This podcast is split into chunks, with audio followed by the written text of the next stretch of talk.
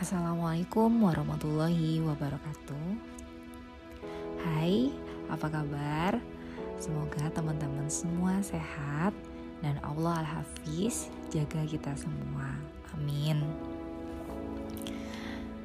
Sebelumnya saya ucapkan selamat datang di episode perdana cerita perempuan. Mohon maaf jika banyak suara-suara yang megah. Di episode perdana ini, aku ingin berbagi dengan teman-teman semua dengan tema self love atau mencintai diri sendiri.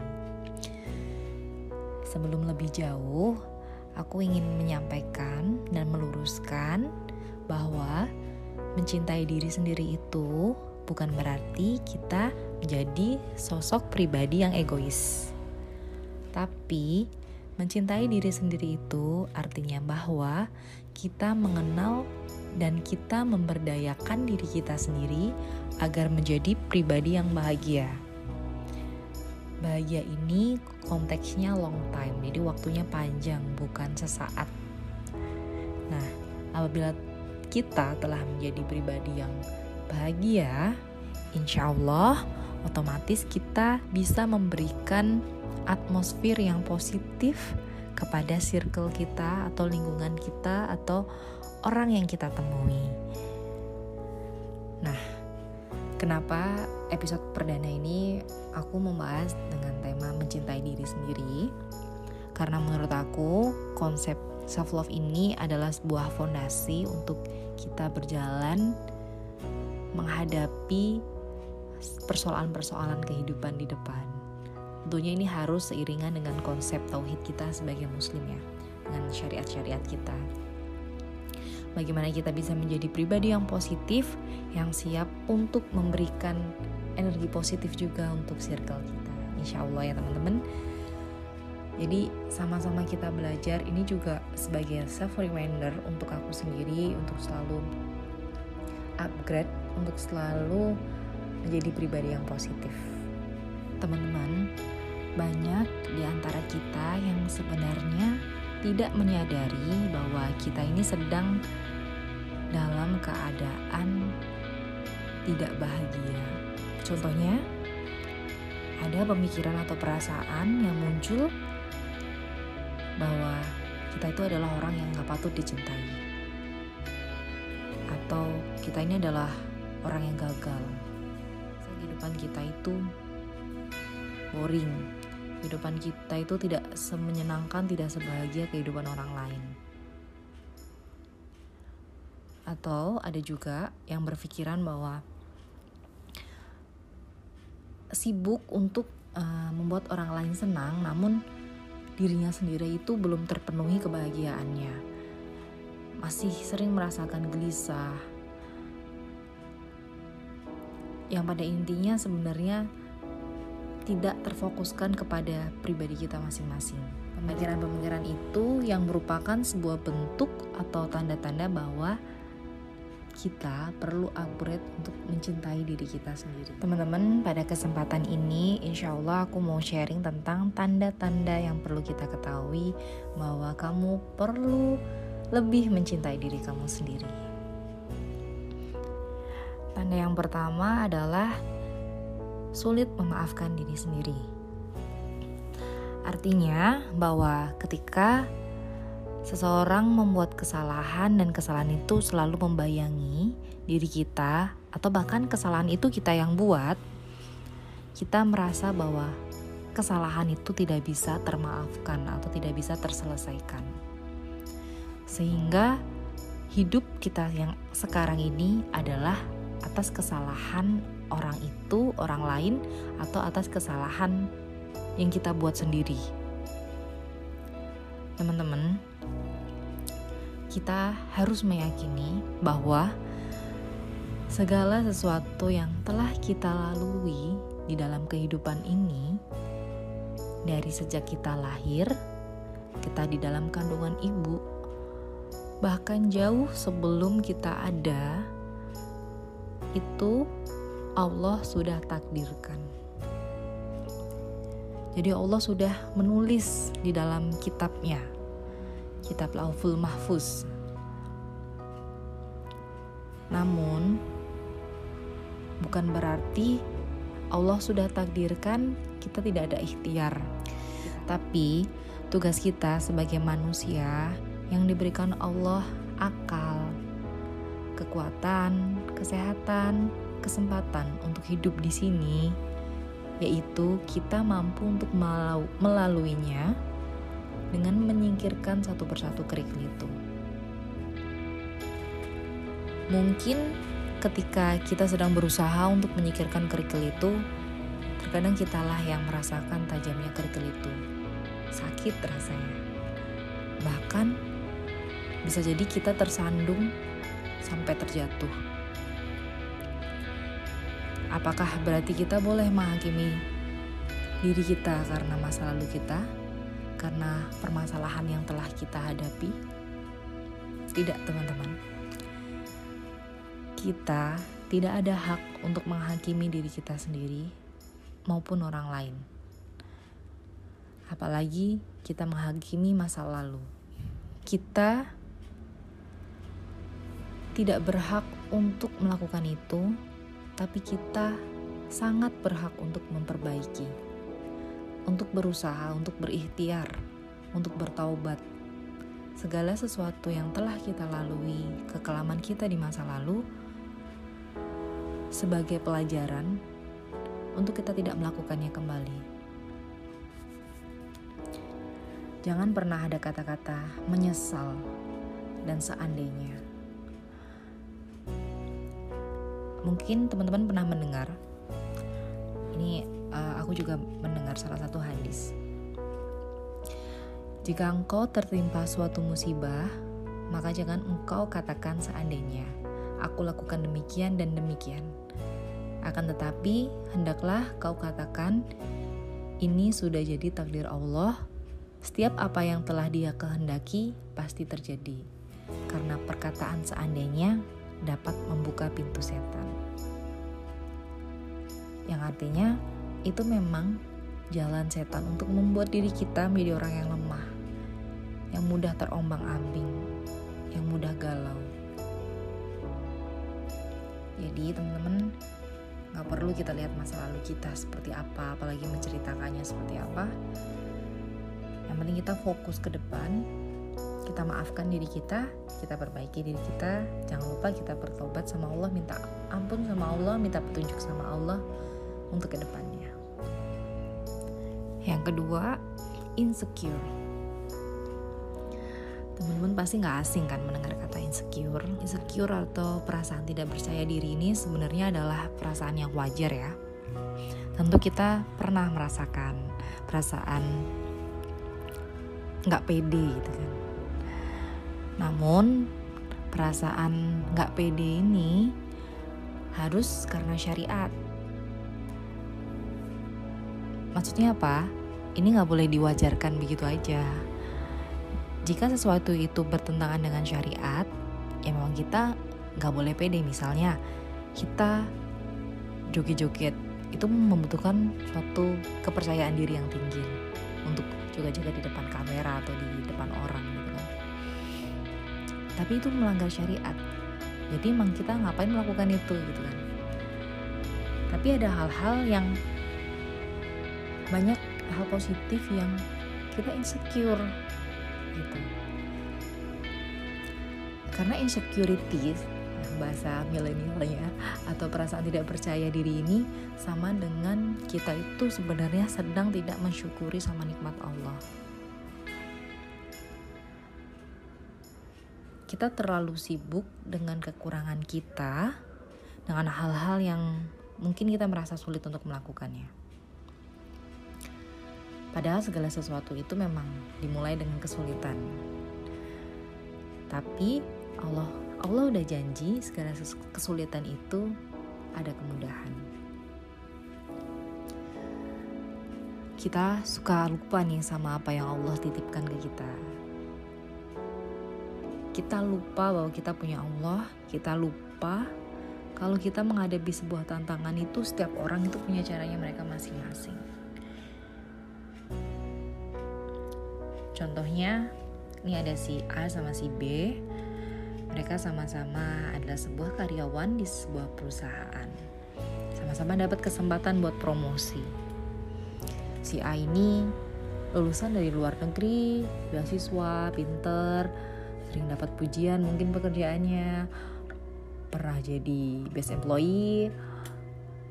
Nah, sedangkan si B ini adalah orang yang biasa, pegawai di kantor yang biasa.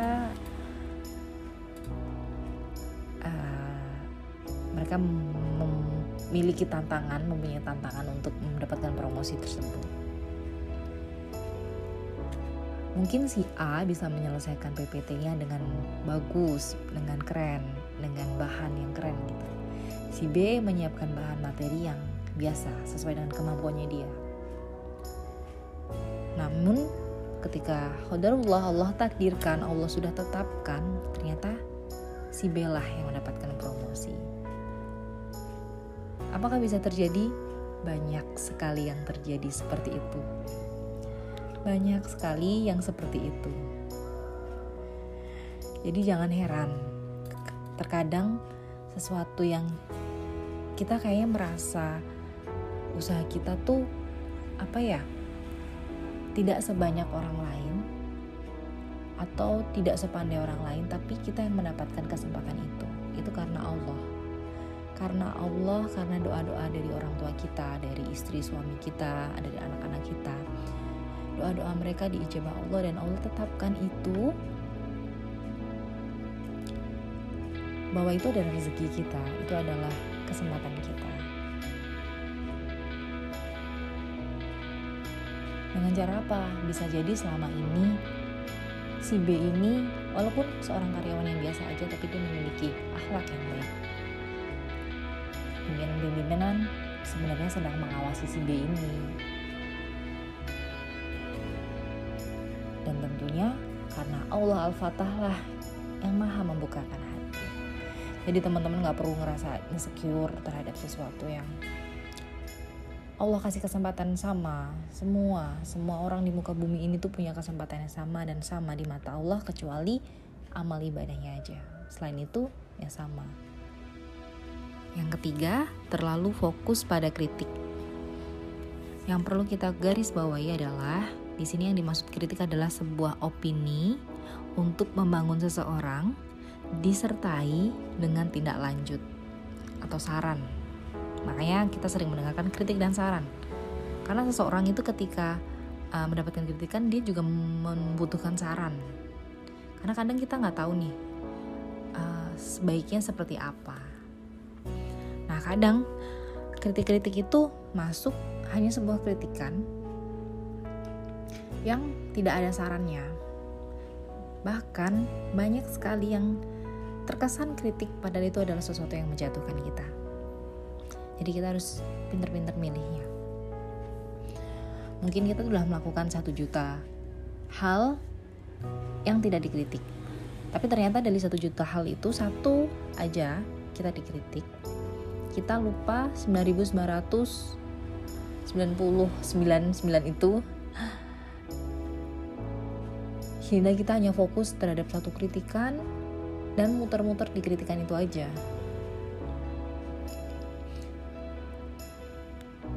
Teman-teman, mendengarkan kritik itu adalah sesuatu yang harus. Karena dengan kritikan itu kita bisa menjadi lebih baik. Kita bisa memperbaiki segala sesuatu yang telah kita lakukan atau kita kita buat. Kita menjadi lebih berkembang namun, terlalu kita terbelenggu di dalam sebuah kritik negatif yang tidak ada penyelesaiannya seperti apa,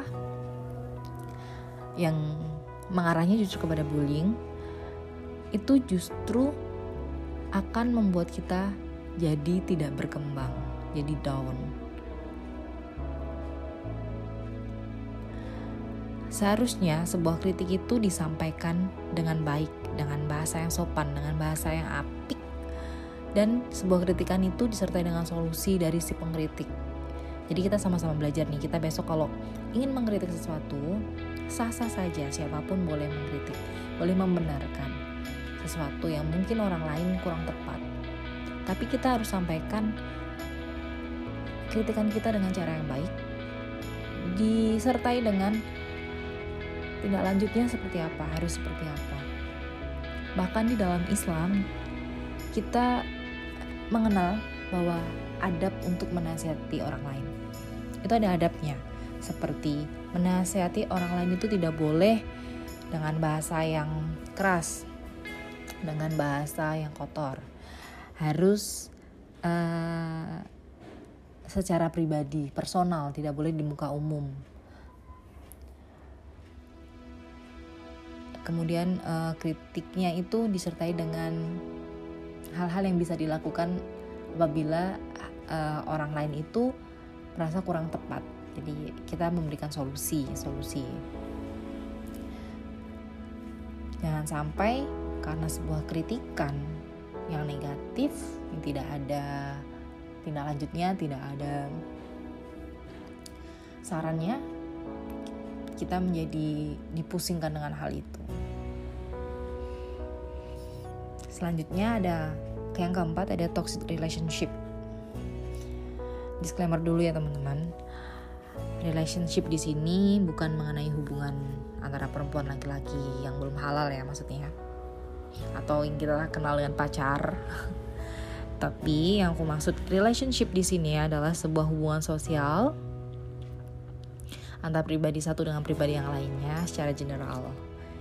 Bisa apa aja, bisa siapa aja, pertemanan, klien, kantor, hubungan keluarga, tetangga dan lain-lain. Nah, teman-teman, di zaman sekarang ini terkadang kita tuh untuk membedakan sesuatu yang baik dan benar dengan sesuatu yang dibungkus dengan hal yang terlihat seperti baik itu memang membutuhkan kejelian. Ini butuh sekali petunjuk dari Allah hal-hal seperti ini. Banyak sekali argumen-argumen pribadi yang dikemas dalam opini-opini menyenangkan yang dengan tujuan lebih mudah diterima, tetapi tidak berdasar kepada sebuah kebenaran. Karena kita tahu bahwa dasarnya manusia itu ingin merasakan senang, ingin merasakan bahagia, happy. Siapa juga orang yang mau sedih, namun, kita perlu berhati-hati. Terkadang kita tidak menyadari jebakan-jebakan itu. Contohnya nih, kita lagi galau, dan ada temen nyamperin kita, ngajak kita main, ngajak kita jalan-jalan, ngajak kita liburan, ngajak kita senang-senang, senang-senang aja isinya. Tanpa muhasabah diri, tanpa ngajak untuk mendekatkan diri mungkin dalam pikiran kita ah ini temen nih enak banget nih aku kalau sama dia nih. Uh, aku jadi happy aku jadi seneng aku jadi nggak mikirin masalah-masalah aku yang berat. Teman-teman kita perlu aware kita perlu bijak untuk memilih circle kita untuk memilih relationship kita tuh siapa. Apakah hal-hal yang dilakukan oleh partner kita ini adalah hal-hal yang disyariatkan Allah atau justru yang melanggar. Jangan hanya mementingkan perasaan kita yang happy, tapi kita happynya itu happy short time aja. Kayak ya udah di saat itu aja kita happy, tapi setelah pulang mungkin udah gak ketemu, pulang udah sedih lagi, udah galau lagi, udah gelisah lagi, udah kekaruan lagi. Nanti ujung-ujungnya itu yang paling parah adalah kepada kriminalitas. Kalau temennya apa ya relationshipnya nggak nggak bagus bisa diajaknya ke pemborosan foya-foya terlalu berlebihan dalam bersenang-senang. Karena kita perlu sekali untuk muhasabah diri kita kita perlu apa ya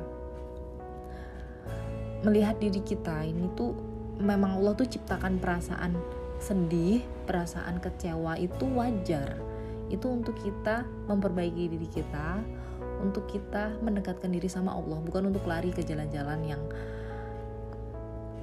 yang dimurkai jalan-jalan yang yang bertentangan dengan syariat Allah.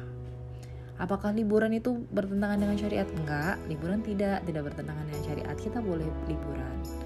Justru dianjurkan ketika kita sibuk bekerja Senin sampai Jumat, Sabtu Minggu kita harus berikan waktu kepada keluarga kita. karena itu menghilangkan stres juga menekan stres juga. Tidak ada yang mengharamkan tentang liburan tapi kalau berfoya-foya yang berlebihan itu adalah sudah masuk kepada pemborosan.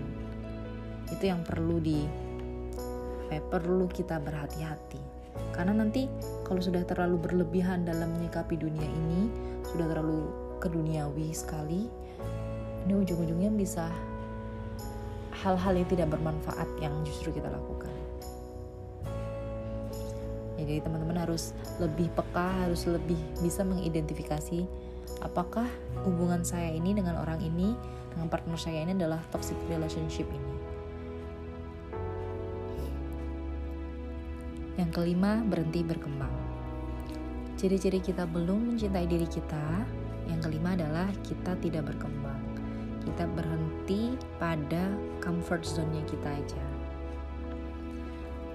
Kita merasa kita tidak bisa break our limitnya kita. Kita tidak bisa keluar dari putaran kita yang ada saat ini circle kita yang ada saat ini. Kita terlalu sibuk dengan hal-hal yang tidak bermanfaat. Contoh perasaan contoh perasaannya seperti ini kita merasa bahwa kita sudah kerja kantoran sudah dapat gaji setiap bulan jadi kita nggak perlu belajar hal banyak lagi. Tidak tidak kita udah perlu update ilmu. Atau misal ibu rumah tangga rasa dia kerjanya di rumah. Dia hanya ngurusin dia hanya kata hanya ini perlu dibawa garis bawahi dia hanya mengurusin anak-anak dan pekerjaan rumah dia belum paham tentang perannya dia sebagai seorang ibu di rumah untuk mendidik generasi generasi robbani, generasi gerbang utama peradaban. Dia belum paham tentang perannya itu. Dia belum paham perannya dia sebagai seorang istri untuk mensupport suaminya yang berkembang. Untuk menjadi teman bicaranya ketika suaminya pulang dari kantor.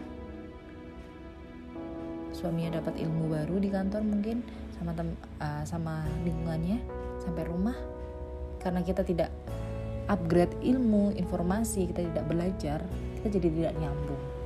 Di situlah mulai permasalahan-permasalahan bisa saja terjadi.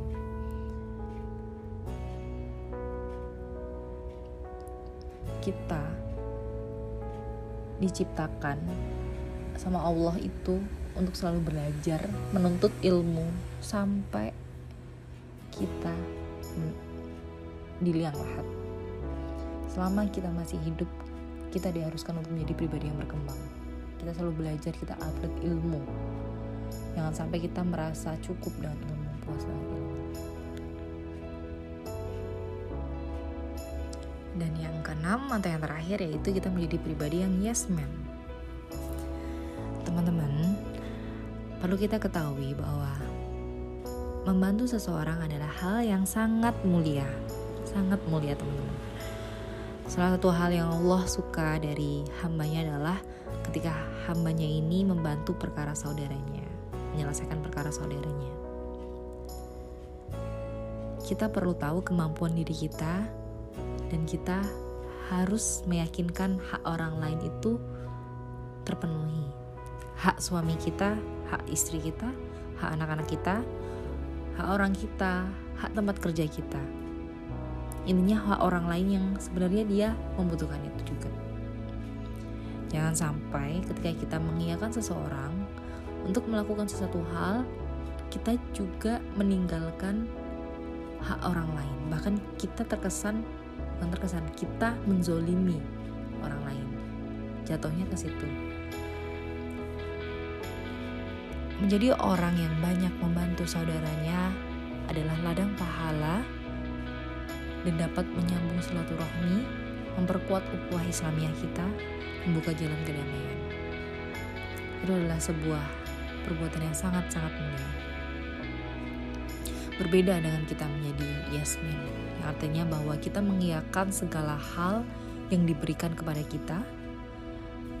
Kita tidak enak, kita tidak kalau bahasa Jawanya pakai woh untuk menolak seseorang sehingga pada akhirnya justru bukan keikhlasan yang bersarang di dalam diri kita. bisa jadi justru sebuah keluhan. Karena kita tidak tidak enak untuk menolaknya.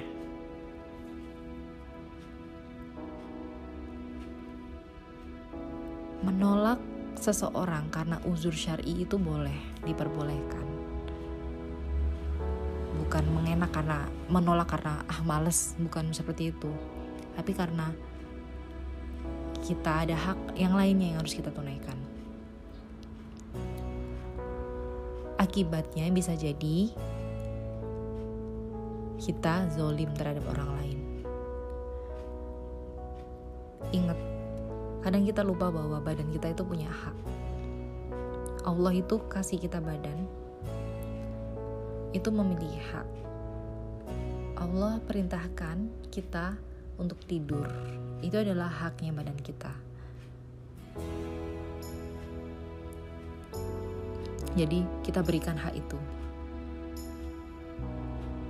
Allah minta kita untuk menjaga diri kita, olahraga. Itu kita berikan hak itu. Mengkonsumsi makan makanan sehat dan lain sebagainya.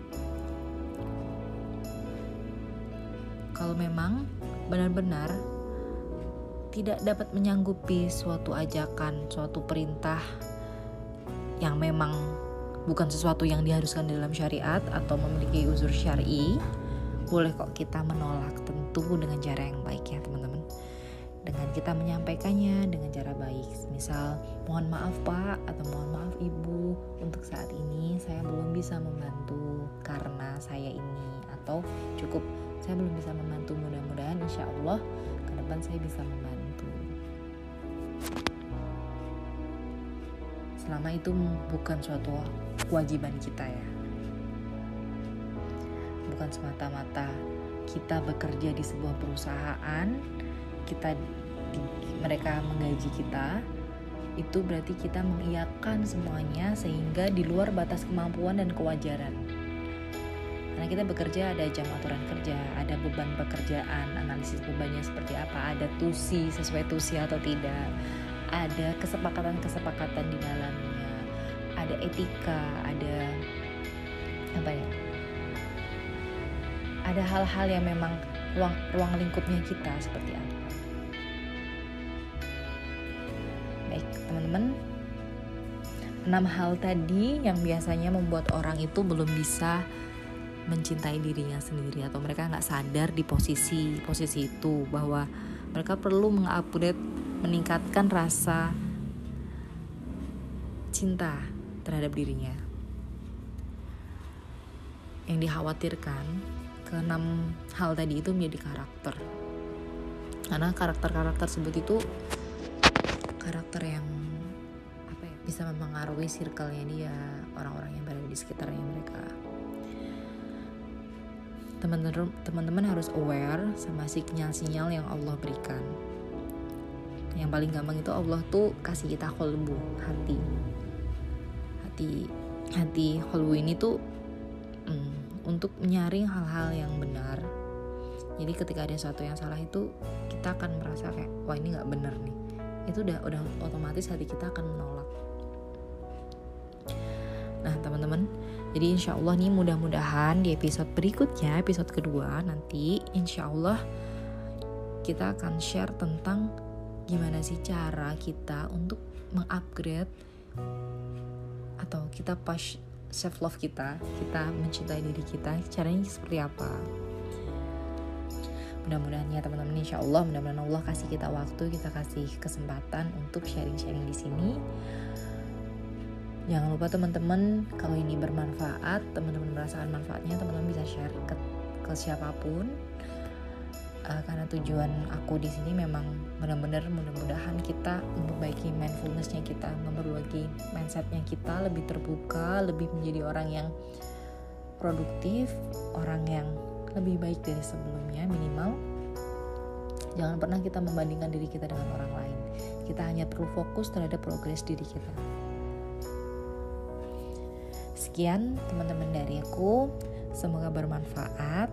Semoga setelah ini teman-teman bisa belajar mengidentifikasi di teman-teman sendiri atau mungkin ada orang lain uh, teman teman atau saudara atau siapa pun yang butuh dibantu untuk membuka mindsetnya untuk uh, belajar mencintai dirinya sendiri boleh di share sekali lagi sekian. Assalamualaikum warahmatullahi wabarakatuh